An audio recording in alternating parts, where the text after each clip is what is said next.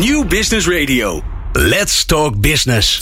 Met nu People Power met Glen van der Burg. People Power is een programma over de kracht van mensen in organisaties. Met interviews en laatste inzichten voor betere prestaties en gelukkige mensen. Deze week gaat Glen van der Burg in gesprek met... Ann Kramer, veranderkundige en auteur van Ben jij al activist? Wat is de bijdrage van jouw organisatie aan de samenleving? Nee, ik vraag je niet wat je doet om de schade door CO2-uitstoot te beperken. Hoe zorgt jouw organisatie ervoor dat maatschappelijke vraagstukken worden opgelost? Eenzaamheid, bijensterfte, schooluitval, klimaatverandering. Dat soort onderwerpen. In haar boek Ben jij al activist? Organisatieverandering in de betekeniseconomie roept Ann Kramer je op om aan de slag te gaan, om bij te dragen. En ze belooft ons dat, het praktisch, dat ze het praktisch maakt. Het is een doeboek.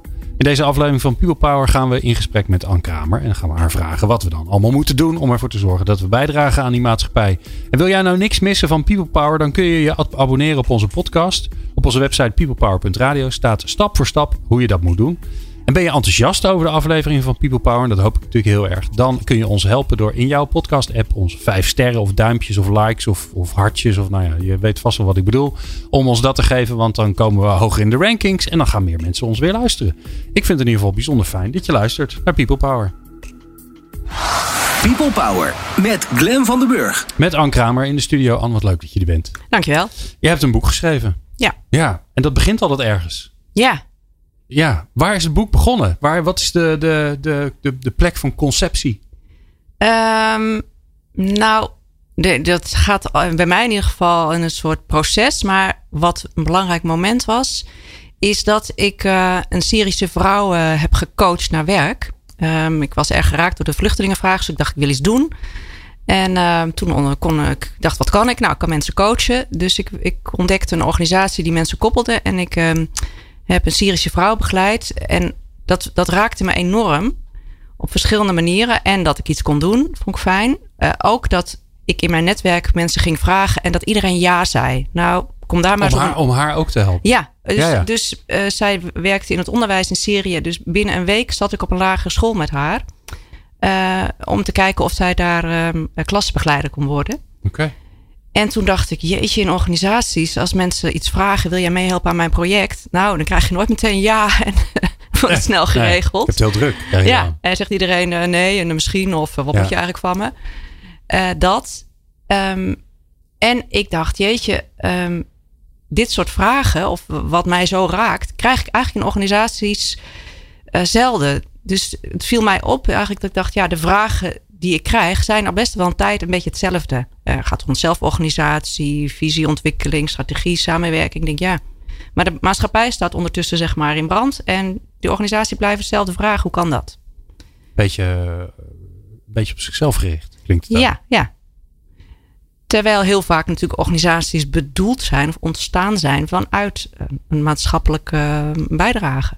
Ja. Dus toen dacht ik, ja, hoe kan dat? En, en daar, nou ja, en aangezien ik van schrijven hou, ging ik daarover schrijven. En schrijven geeft je de, de mogelijkheid om te gaan onderzoeken. Dus ik ging op onderzoek naar voorlopende organisaties. Um, die ik dan ook in mijn boek als voorbeeld beschrijf. Uh, zo is het eigenlijk ontstaan. Ja. En hoe, hoe vind ik gewoon, want ik, ik, ik heb zelf ook wat geschreven. Um, hoe werkt dat bij jou? Dus hoe schrijf jij een boek? Ga je, ga je, ga je zitten en ga je schrijven? Of Verzamel je of ga je op onderzoek? Um, maar allemaal wel. Dus het, het, het, geeft mij in eerste instantie ga ik veel verzamelen. Dan ga ik eigenlijk veel lezen. Maar ik, ik maak altijd wel losse schrijfstukjes. En zeker als het, toen het op een gegeven moment duidelijk werd, ja, dit gaat een boek worden. Ja, dan komt er ook zo'n soort druk natuurlijk. Uh, uh, maar er is, dus, er is dus een later moment dat je denkt, het gaat een boek worden. Dus je bent eerst gegrepen door het onderwerp. Ja. En dan op een gegeven moment. Ja, en ik was parallel. Ik heb uh, eerder een boek geschreven. Dus ik had weer contact met een uitgever. En dan ging ik een kopje koffie met de redacteur drinken. Even, hoe, hoe zit het met je? Dus ik zei, ja, ik ben wel weer een beetje aan het schrijven. Oh, nou, nou leuk, vertel eens. Dus dat helpt natuurlijk ook. Ja. Um, en dan ga ik op een gegeven moment wel echt schrijftijd maken. En dus dan liefst trek ik mij dan in de natuur ergens terug. Maar dit is het klassieke beeld van de schrijver. Ja, ja. Oh, hutje op de hei, uitzicht ja, op bomen ja, of uh, weiland. De Schelling is van, voor mij van favoriet. Oh. Um, en waar zit je dan? Ik ben toevallig net geweest. Uh, in, vlakbij Midsland heb ik, een, heb ik een, een huisje wat vooral een hele grote keukentafel heeft. Want je moet als schrijver veel boeken... Ja, aan de keukentafel, aan, ja, natuurlijk. Met uitzicht op de weilanden. oh, geweldig. Ja, ja. Um, maar ik ga ook wel, dat, met dit boek ging ik ook wel op pad omdat ik met mensen in gesprek ging. Dus daar ging ik ook naar sociaal ondernemers. Of, dus, dus dit boek heeft me ook wel meer, zeg maar, juist de natuur uitgehaald. Omdat ik op, ook ja, met mensen in gesprek ging. Hoe doen jullie het eigenlijk? En je vertelde hè, dat, dat, jouw eigen ervaring met jouw Syrische coachie, die je ineens weer heel dicht bracht bij ja, waar het eigenlijk om gaat. Hè? Dat je echt iemand helpt. En dat je ook het effect ziet van, van iemand helpen. En dat je merkt dat, je, dat andere mensen, als je daarom vraagt, ook gaan helpen. Wat, wat maakt nou dat, dat, dat, we dat, dat we dat kwijt zijn in die organisatie? Want daarvoor zijn we ook aan het samenwerken. Ja, um, nou, ik, ik denk dat organisaties te veel een soort doel op zich geworden zijn met allemaal procedures en regels. En dan wordt dat opeens, krijgt meer focus dan Hè, dus dan in een, een gemeenteorganisatie de burger of een klant. Hè, dus een, het is al wonderlijk dat er dan soms in de visie staat: uh, wij zetten de klant centraal. Ja, hoezo? oh, echt waar? Oh, ja, ja, dus, dus dat was op een gegeven moment zo'n beweging. Hè, dat iedereen heeft gezegd: ja, wij gaan de klant centraal zetten. Dus dat geeft eigenlijk al aan hoe die uit beeld is verdwenen. Door, wat mij betreft, die ja. Want daar, daar zeg je eigenlijk impliciet mee. We, we, hebben hem hiervoor niet centraal gezet. Ja, ja. Ja. ja. Ja. Ja, bizar. Ja, nou ja, het, het grote zou je kunnen zeggen, het gegeven dat wij zeggen, we hebben nu een participatiemaatschappij. Dus of overheden zetten opeens de burgers centraal. Ja, die zijn daar toch voor bedoeld. Ja, sterker nog, ja, wij, wij, wij, wij kiezen ze en wij, wij geven ze vorm als het goed is. Ja, ja. Maar dat voelt dus zo ver weg uh, dat we daar nieuwe begrippen voor hebben. En heeft, waar heeft het dan mee te maken? Komt dat door omvang? Komt dat door. Ja, uiteindelijk zijn we hadden we het in beeld en zijn we het een beetje kwijtgeraakt? Ja, door omvang misschien. Ik, ik denk eigenlijk dat het misschien door, um, door, door angst uiteindelijk komt eigenlijk. Dat we dus zoveel controlemechanismes ontwerpen. Als er dus iets misgaat, dan gaan we daar een controlerende instantie... We ontwerpen heel veel regels en regelingen in plaats van... Ja, thuis doe je dat toch ook niet? Uh, heb jij met je partner een, eh, een beoordelingsgesprek elk jaar? Nee. nee, we hebben wel soms ruzie. en ook weer goed maken. Ja. Ja, ja, ja. Maar dat gebeurt eigenlijk ook weinig hè, in organisaties. Ruzie, gewoon echt ruzie maken. Nee, nee. Het is wel zo, dat is eigenlijk volgens mij heel gezond. Ja, ja. nee, dan, ik ben altijd heel blij als ik ruzie heb met mijn vrouw. Want dan, uh, dat, dat, zorgt ook weer voor emotie. Ja, nou ja, en dan kom je uiteindelijk zelfs dichter bij elkaar. Hè? Dus, dus, dat, dat, uh, dus dan, ja. En dat is een organisatie volgens mij net zo. Ja. Um, nou, heet je boek Ben jij al activist? Dat roept van alles nog wat op. Ja. Want je, je spreekt mij als, als degene die naar de kaft kijkt al aan. Dus stel je, of ik het boek lees of niet. Die vraag stel je mij direct al. Uh, ik weet het antwoord eigenlijk nog niet. Als je het aan mij zou vragen, mm -hmm. ben jij al activist? denk ik, ja, een beetje wel, maar ook heel vaak niet. Waarom die titel? Um, nou, ja, dat is wel grappig, want zo'n titel dat komt al natuurlijk pas later met het schrijven, of in ieder geval bij dit boek. Um, ja, op een gegeven moment dacht ik, ik wil direct de lezer aanspreken. Dat was eigenlijk, dat is natuurlijk als je een boek schrijft, is het een beetje, die lezer is soms ver weg. Um, en op een gegeven moment had iemand tegen mij gezegd: Ja, jij bent eigenlijk geen organisatieadviseur, je bent een activist.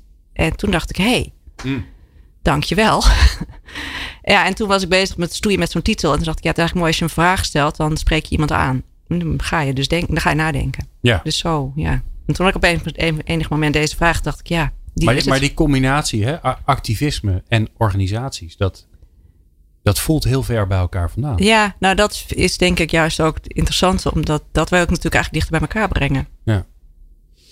Nou, ik ben benieuwd uh, hoe je dat dan moet doen en waarom je dat moet doen. Uh, en daar gaan we het zo over hebben, dus dat hoor je straks. Oké. Okay.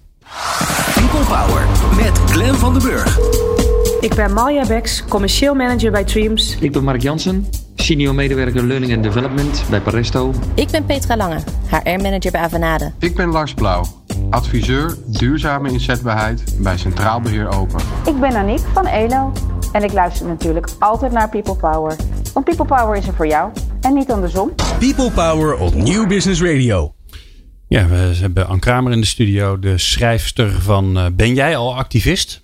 Um, Ann, um, hebben we het hier nou over, ik moet hem toch even benoemen, hebben we het hier over de modetermen purpose, your why, die hele kant? Dus, dus uh, is, is, is dat waar we het over hebben? Moeten we dat weer terug zien te vinden? Um, jee, zou ik zeggen. um, ja, ten dele ja wel. We moeten dus weer terugvinden waar het over gaat. Um, maar zoals why is als je niet oppast weer intern gericht. Dan gaan we met elkaar zitten en dan gaan we onze why zoeken. Uh, ik heb het in mijn boek dus liever over de term uh, engagement. Uh, omdat wat mij betreft engagement gaat over dat er iets buiten je gebeurt in de maatschappij wat je raakt, waardoor je denkt, hé, hey, ik moet iets doen. En purpose vind ik dan ook nog een beetje, ja, ik, ik kan niet zoveel met die term, terwijl hij wel ook zo gebruikt wordt. Maar ik dacht, ik kies een ander begrip wat meer in je hart zit eigenlijk. Ja, en in de maatschappij dus, hoort je ook ja. letterlijk zeggen. Ja, dus, dus zeg maar vanuit het voorbeeld van wat ik zelf heb meegemaakt. Ik maakte iets mee met die series vrouw. Dat, en dat was in de wereld om mij heen. En, en ik, dat, ik denk dus dat je je engagement niet vindt als je zeg maar boven op een berg gaat zitten. Maar juist als je de maatschappij ingaat. En Ja. dingen ziet, hoort, meemaakt. Ja, en dus zat ik er in die zin niet zo ver naast als we het over dingen hebben zoals eenzaamheid onder ouderen Ja. of bijensterfte. Of gewoon echte dingen waar we met z'n allen last van hebben. Ja.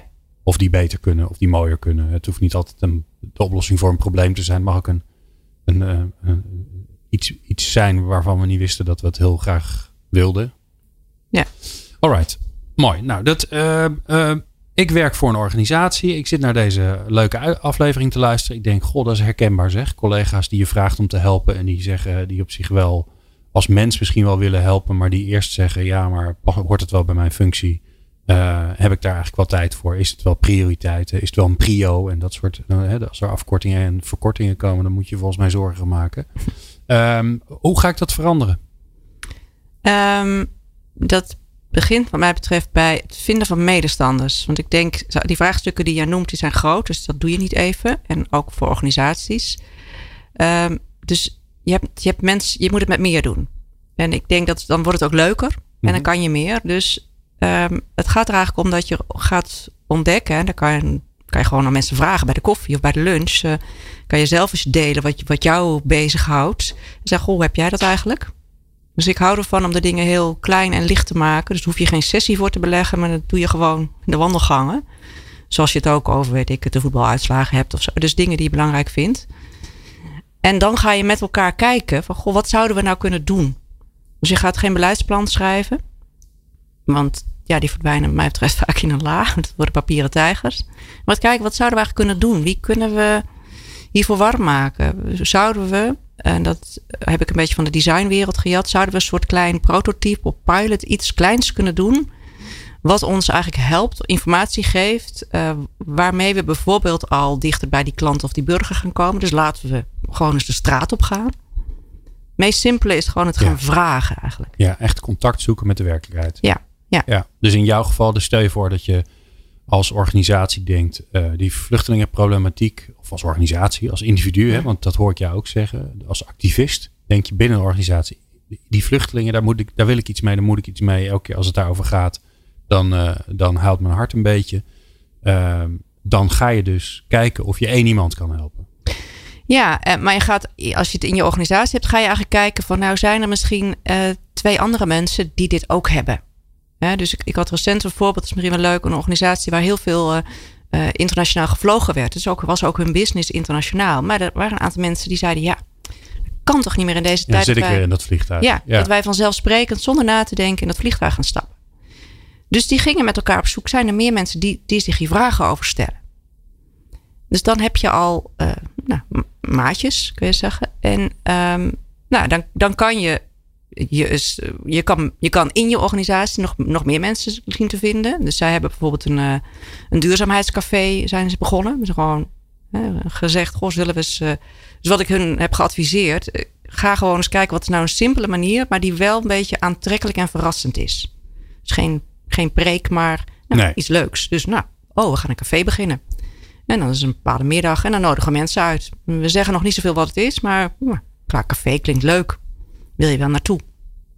En dan gaan we eens kijken of er wat meer engagement hiervoor is. En daar hebben we niet meteen oplossingen voor, want ja, onze organisatie is internationaal. Maar we kunnen überhaupt eens een keer vragen bij gaan stellen. En ik heb nog niet van hun de uitslag, maar ze, ze, ze appte mij. Ja, we hebben twee experimenten bedacht in dat café. Dus dan ga je iets bedenken wat je kan doen. Ja, en die experimenten die kun je weer uitproberen om te kijken van goh, wat, wat gebeurt er als we in aanraking komen met de buitenwereld, de Ja, werkelijkheid. ja, ja. Terwijl je dat zegt zo, hè, over dat vliegen zit ik gelijk aan, eh, aan, aan Ajax te denken. Ja, we, we hadden het voor de uitzending over voetbal, dus dan zo zie je hoe wij geprimed zijn. Al twee keer gaan we het erover hebben. Ehm, maar ik ben daar dus heel, eh, heel erg benieuwd naar. Hè. Ajax die is naar Lille gegaan met de trein. ja. Dat komt op het nieuws. Dus die, die volgens mij hebben ze ha- half niet door hoeveel impact ze daarmee hebben. Dat door te zeggen, wij gaan dus niet meer vliegen, maar we gaan met de trein. Ehm, maar iemand heeft dat daar bedacht. ja. En dat is niet een beleid. Nee, iemand heeft nee, bedacht, ja, ik raar dat we dat niet meer doen. En die is daarover gaan praten. En, dus ik ben wel benieuwd hoe dat verhaal is eh, ontstaan. Maar dat, dat gaan we nog wel eh, uitzoeken. Of als je het hoort en denkt, ik weet dat, dan laat het Dat ons laat weten. Ja, ja, ja. En met mijn ervaring is trouwens dat soort dingen beginnen, gaan dus vaak een beetje toevallig. Hè? Dus dat, dat is net je zegt, het staat niet in het beleid, maar dan denkt iemand, ja, zullen we dat doen? En het mooie is dat het dan ook zichtbaar gemaakt wordt, waardoor het anderen kan inspireren. En denken, oh ja, Ja. waarom zou je eigenlijk gaan vliegen naar Lille? En nou klinkt dit nog, hè, denk ik, ja, dat is oké, dat is goed, dat gaat over vliegen, maar dat is toch ook, ja, dat zijn toch ook, het begint dan weer bij een individu. En uiteindelijk wil je natuurlijk dat die organisatie weer gaat doen waarvoor die of ooit bedacht is, of ja, hoe die zijn kracht kan inzetten om echt een maatschappelijk vraagstuk, om daaraan bij te dragen. Hoe maak je die stap dan? Want dat, dat, dat, dat klein beginnen, dat zie ik wel gebeuren. Maar ja, en nou werk je bij Philips en dan denk je, nou ja, Philips is misschien geen goed voorbeeld, nu werk je bij Shell. Eh, En dan denk je ook van ja, waarvoor zijn we eigenlijk? Ehm, ja, dan, ja, dat is natuurlijk een, heel, heel spannend voorbeeld. Ehm, nou ja, ik denk, ik ken, Shell zeg maar niet zo goed van binnen, maar ik denk dat er zullen zich, ik kan me niet voorstellen, niet mensen die bij Shell werken zich afvragen, hé, maar bij wat voor organisatie werk ik nu eigenlijk? En ja, wil ik dit wel? Of, of, of kan ik hier een verandering in teweeg brengen? En ik denk dan dat het nog steeds over gaat hoe je het ware, ehm, ja, je zou kunnen zeggen, een soort interne grassroots eh, kan, kan creëren. Dus hoe kan je de men, een groot collectief maken van mensen die zeggen: wacht even, wij moeten hier ons vragen over gaan stellen. Eh, en En dat klinkt dus als activisme. ja, en, maar ik denk wel dat activisme. Je hebt ook in de organisaties natuurlijk heel beweging van eh, nou, eh, zelfsturing. En daar geloof ik ook zeker in. Maar ik denk dat je eigenlijk niet meer in hiërarchie of bovenonder moet denken. Want die mensen met engagement die zitten in alle lagen van de organisatie. Dus zo'n collectief, zeg ik altijd, dan moet je zorgen dat je mensen zowel van boven beneden als links rechts in hebt. Eh, dus daar, daar kan je naar op zoek gaan. En dat kan je op een manier doen die, die, die misschien zo leuk is. Dus een soort inktvlek creëert. Dat mensen zeggen, oh, ik wil ook meedoen. Ehm, Ja, maar dat, het, eh, als je dus gaat denken als een activist en je, gaat, je bent bijna nooit een activist in je eentje. Tenminste, die, Nee, die nee. ziet niet zoveel. En als ik ze wel zie, dan denk je, gaat niet heel veel impact hebben. Dus je moet met meerdere zijn. Je moet samen iets vinden, zou ik denken. mhm. Wat zijn er nog meer? De, want je zei, hè, dat zijn een beetje de, Nou ja, de kijk. basisregels van een grassroots beweging. Ja, nou ja, kijk, wat je ook ziet, dus dat is natuurlijk uiteindelijk heel fijn, is als het ook echt in directie wordt opgepakt. Ehm, eh, je hebt een heel mooi voorbeeld van eh, interface vloeren. Dat is vroeger Heuga-tegels, dat ken je misschien nog wel. En eh, die hebben ooit, heeft die CEO een, een boek gelezen waar wat hem zo raakte, dat hij dacht, ja, wij kunnen niet meer vervuilen. Dat was al in de jaren negentig. En die heeft toen eh, echt een radicaal, toen radicaal gezegd, in de jaren 2020 willen wij zero emissie hebben. Eh, en die zijn eigenlijk met elkaar vanaf dat radicale idee terug gaan denken in wat voor soort kleine stappen kunnen we dan zetten. Dus je, je denkt wel in kleine stappen, maar misschien wel vanuit, nou ja, die man on the moon. Ehm, en nu hebben zij een nieuwe missie, dus die zelf zeggen, nou wij willen niet alleen zero emissie, maar wij willen CO2 uit de lucht halen. Wat kunnen wij echt doen? En zij zijn nu tegels aan het ontwerpen die CO2 uit de lucht halen. Dus het begint wel bij iets heel ja, radicaals waarvan je misschien denkt, ja, dat kan niet. Nou hadden zij de mazzel dat ze een CEO hadden die een boek las en daar Ja. eh, door geraakt werd. Nou kan ik me heel goed voorstellen dat er heel veel mensen luisteren en denken, ja die CEO die hebben wij niet. Eh, die, of, die, of we moeten toevallig het boek zien te vinden wat hem gaat raken. Maar hoe, hoe kun je ervoor zorgen dat je, ja, dat je die, de directie of mensen in die directie, dat je die meekrijgt of dat je die besmet of dat je die geëngageerd krijgt? Ehm, ja, ik denk dat het eigenlijk begint met niet zo in zo'n afstand te denken. Want wij denken altijd, ja, de directie die wil niet. Dus we hebben allemaal aannames en ideeën over hoe ze zijn. En ik denk, ja, dat zijn gewoon mensen zoals jij en ik, die ook de krant lezen, die ook kinderen hebben of whatever wat hun bezighoudt. Dus ik denk dat het eerst erover gaat om over die aannames heen te stappen of ze te toetsen. Ehm, en te kijken of je iets kan organiseren. Ehm, Ehm, nou, wat bijvoorbeeld een heel leuke is, dat is misschien leuk voor de luisteraars, is eh, dat je aan, een aantal mensen vraagt: kom je op nou ja, een, café, kan je het noemen, of een avond of een middag, en vraagt iedereen: neem één ding mee, een filmfragment een stukje uit de krant, iets waarvan je denkt: dit kan toch niet, of dat je raakt. Laten we het eens delen. En dan eens te vertellen, als een soort eh, zomergasten, zeg maar, in principe. van, nou, waarom heb je dat nou gekozen? En dan hoor je van tien mensen tien heel mooie verhalen, weet ik zeker. Dus dan kom je eigenlijk achter het engagement. En dat heeft die directeur ook. Ben ik van overtuigd. Ja. Ja, ik, ik durf wel te zeggen, iedereen heeft dat. Ja, ja. Toch? Mensen zonder emoties, die bestaan. Nee, en het of is, bijna ja. niet. En het is zelfs leuk eh, dat eh, vraag je aan mensen wat het meest belangrijk in hun leven is, dan gaat het altijd over anderen. Dan gaat het altijd over wat ze voor anderen hebben gedaan, hebben bijgedragen. Dus, dus daar zijn we eigenlijk heel erg naar op zoek. Oké, dus je zegt eigenlijk je, je eigen aannames over directie, management, maar misschien ook andere bedrijfsonderdelen. Die kloppen eigenlijk per definitie niet. Het zijn altijd mensen. Ja, nou, ja, ja. Dus het gaat, of niet de aannames, die, die gaat erom, ga die onderzoeken. Want je weet niet of het waar is. Ja. Je, je veronderstelt het. En vanuit die veronderstelling acteer je en of zoek je ze niet op. Ja. Nou, heeft een activist is ook een, eh, een, een dapper mens. Mhm. Als je nou het gevoel hebt dat je niet zo dapper bent. Ehm, nou, ik denk dat, ja, dat je, je hebt ook volgers nodig. Hè? Dus is niet, niet iedereen is degene die begint. Dus het, het gaat ook over volgen. En ik denk dat in die zin is het activist. ehm, nou, ik weet niet of dat een verkeerd woord is. Maar het gaat, het, je hoeft niet per se eh, schreeuwend de straat op. Ik denk dat het ook juist gaat over ge- gevoeligheid. Of over eh, ja, de, de, de zachtere kant te laten zien en horen op een misschien bescheidener manier, maar die dan misschien wel meer impact heeft.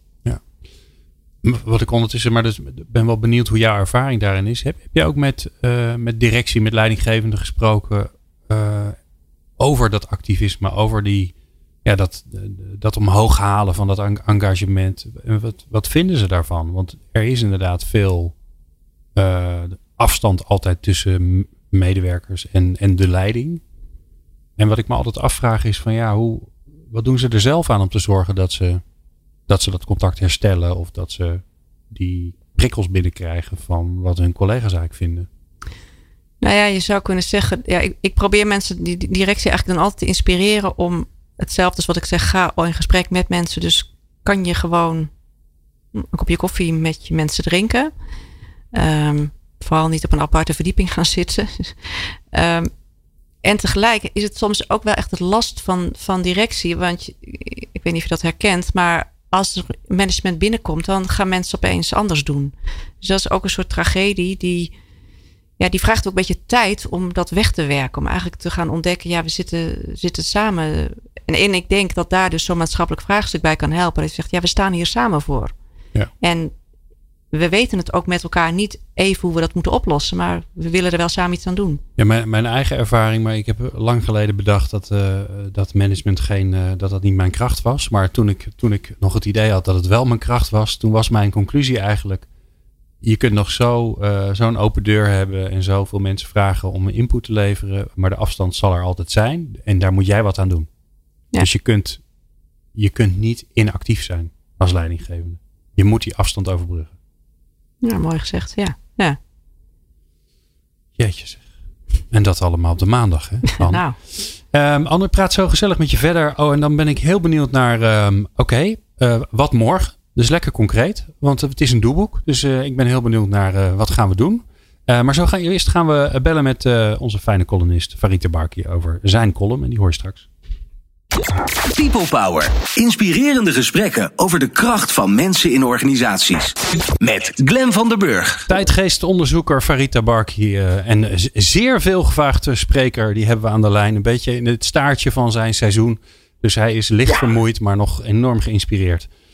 En Farid, uh, jij hebt een mooie column uh, geschreven over het geloof in eigen kunnen.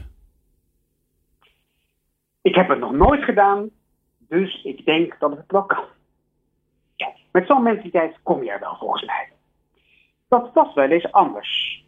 Want als kind was ik niet zo'n groot fan van uh, Pipilotta, Victualia, Rogardina, Gismonta, Eframsdotter, Langstroep. Kortweg, Pipi die deze spreuk. Ik vond haar vrij gevochtenheid en haar rijkdom erg irritant. En al heb ik daar geen vlechtjes, ik ben inmiddels zelf ook best onafhankelijk.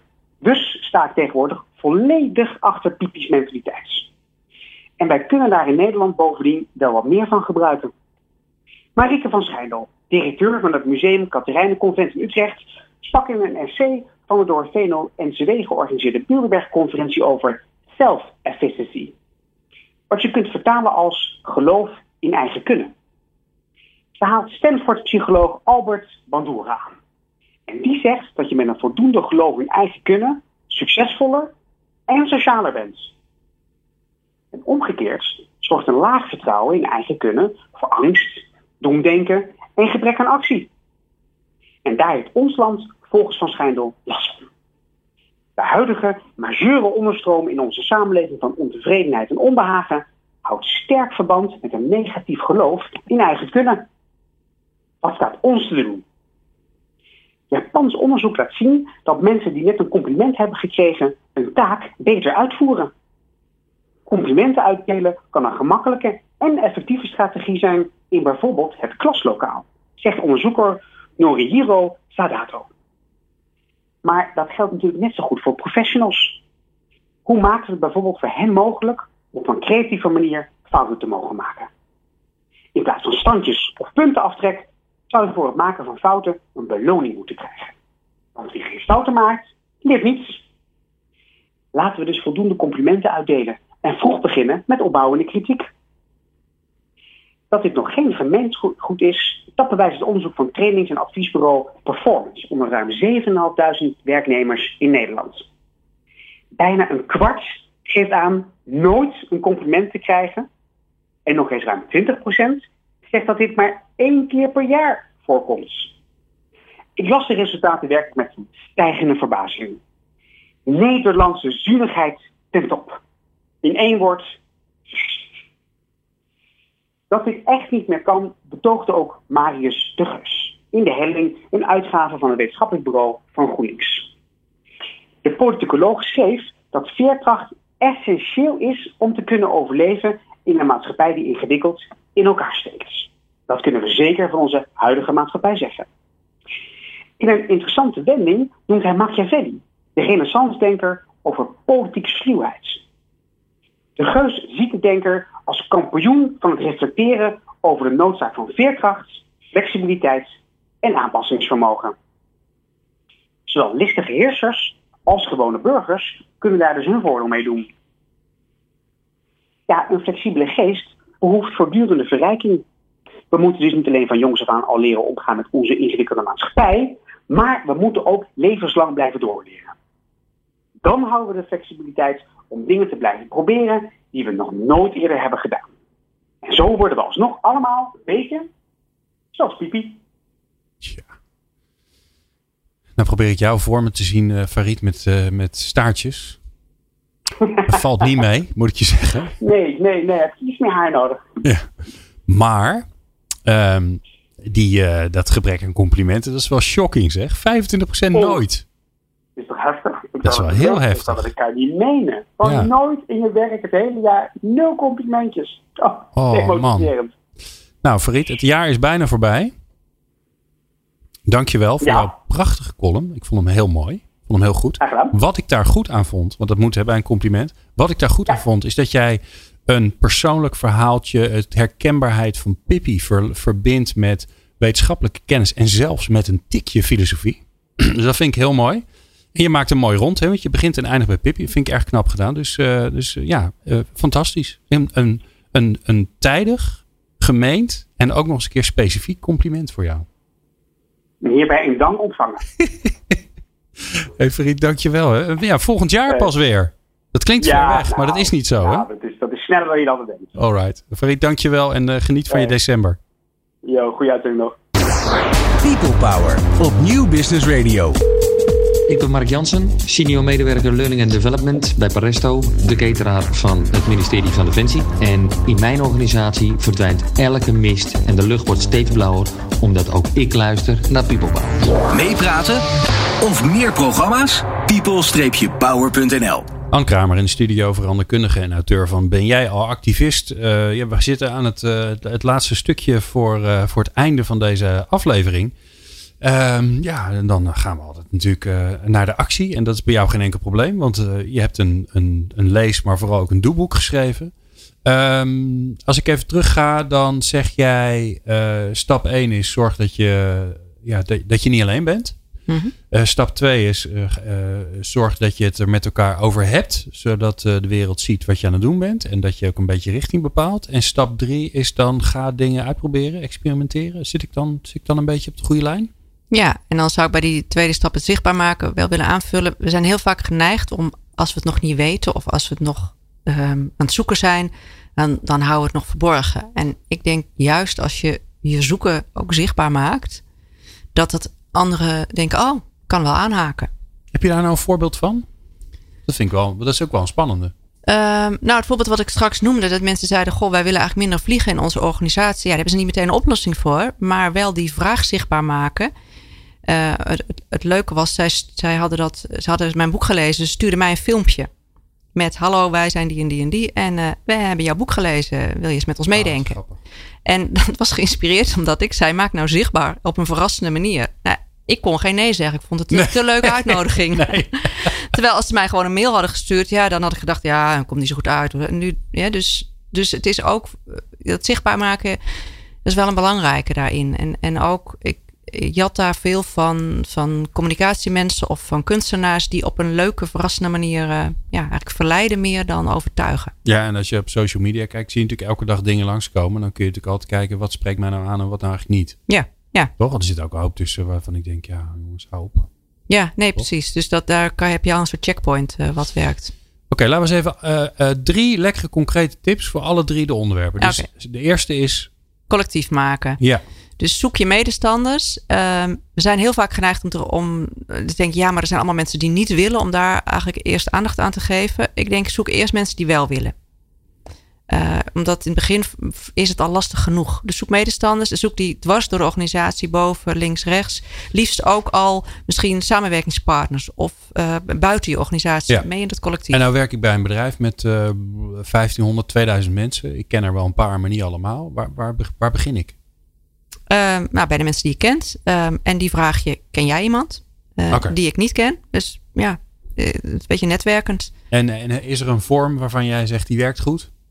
Um, het is ook wel zo'n ding om te zeggen: ik wil het even, ik, ik, ga even, ik prik even een half uurtje in. Ik schiet een half uurtje in. Nou, ik, ja, nou dan, dan dat riekt al te veel naar overleg. Dus ik denk, doe iets verrassends. Dus uh, zeg, uh, we doen tijdens de lunch um, en op een andere plek. Of, uh, dus dat je hem even wat, wat bijzonderder maakt.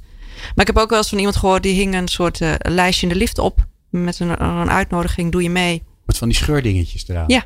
En als ze op is, dan, dan is de ruimte. Ja, en voor. wist niet wie er ja. zou komen. Oh, ja. Ja, dus dat is het ook een soort, uh, nou ja. En er kwamen dus mensen die hij niet kende.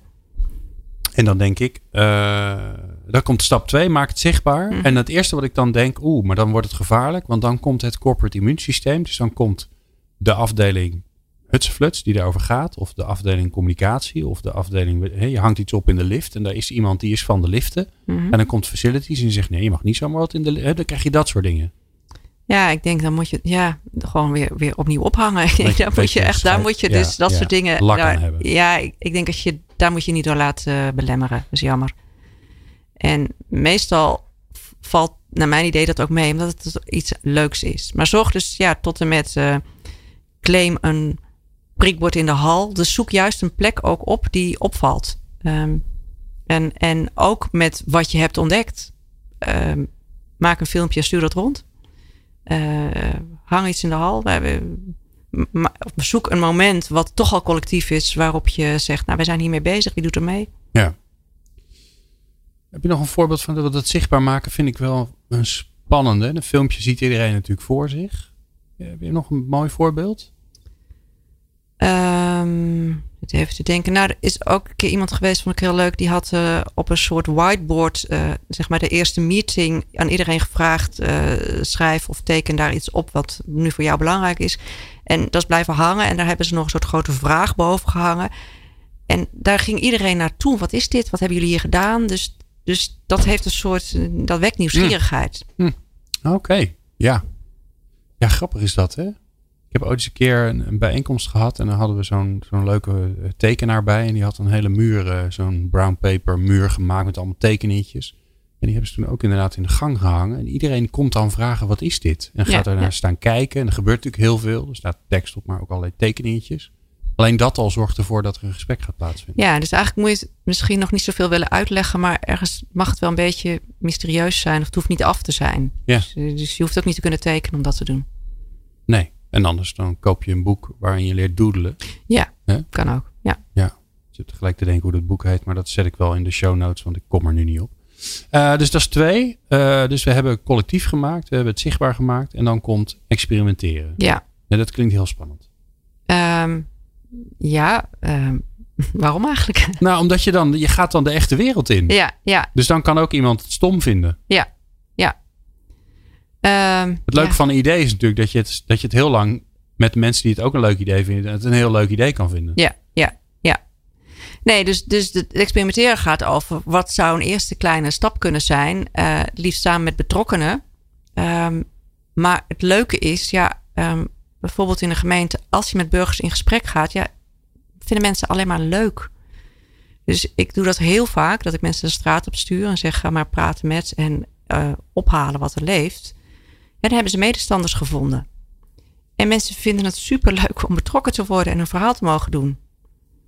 Uh, wat ga je ze dan vragen? Ga je een idee voorleggen? Ga je ze vragen stellen? Ga je een gesprekje aan? Wat? Het, het, ja, het, het meest simpele is überhaupt te vragen: hoe is het met je? Dat vragen we nooit aan elkaar. Um, maar het kan ook zijn dat je zegt: Goh, kent u deze wijk? Ik ben benieuwd wat er hier leeft. Hm. Um, wie kent u in deze wijk die eigenlijk heel veel mensen kent? Dan heb je de sleutelfiguren.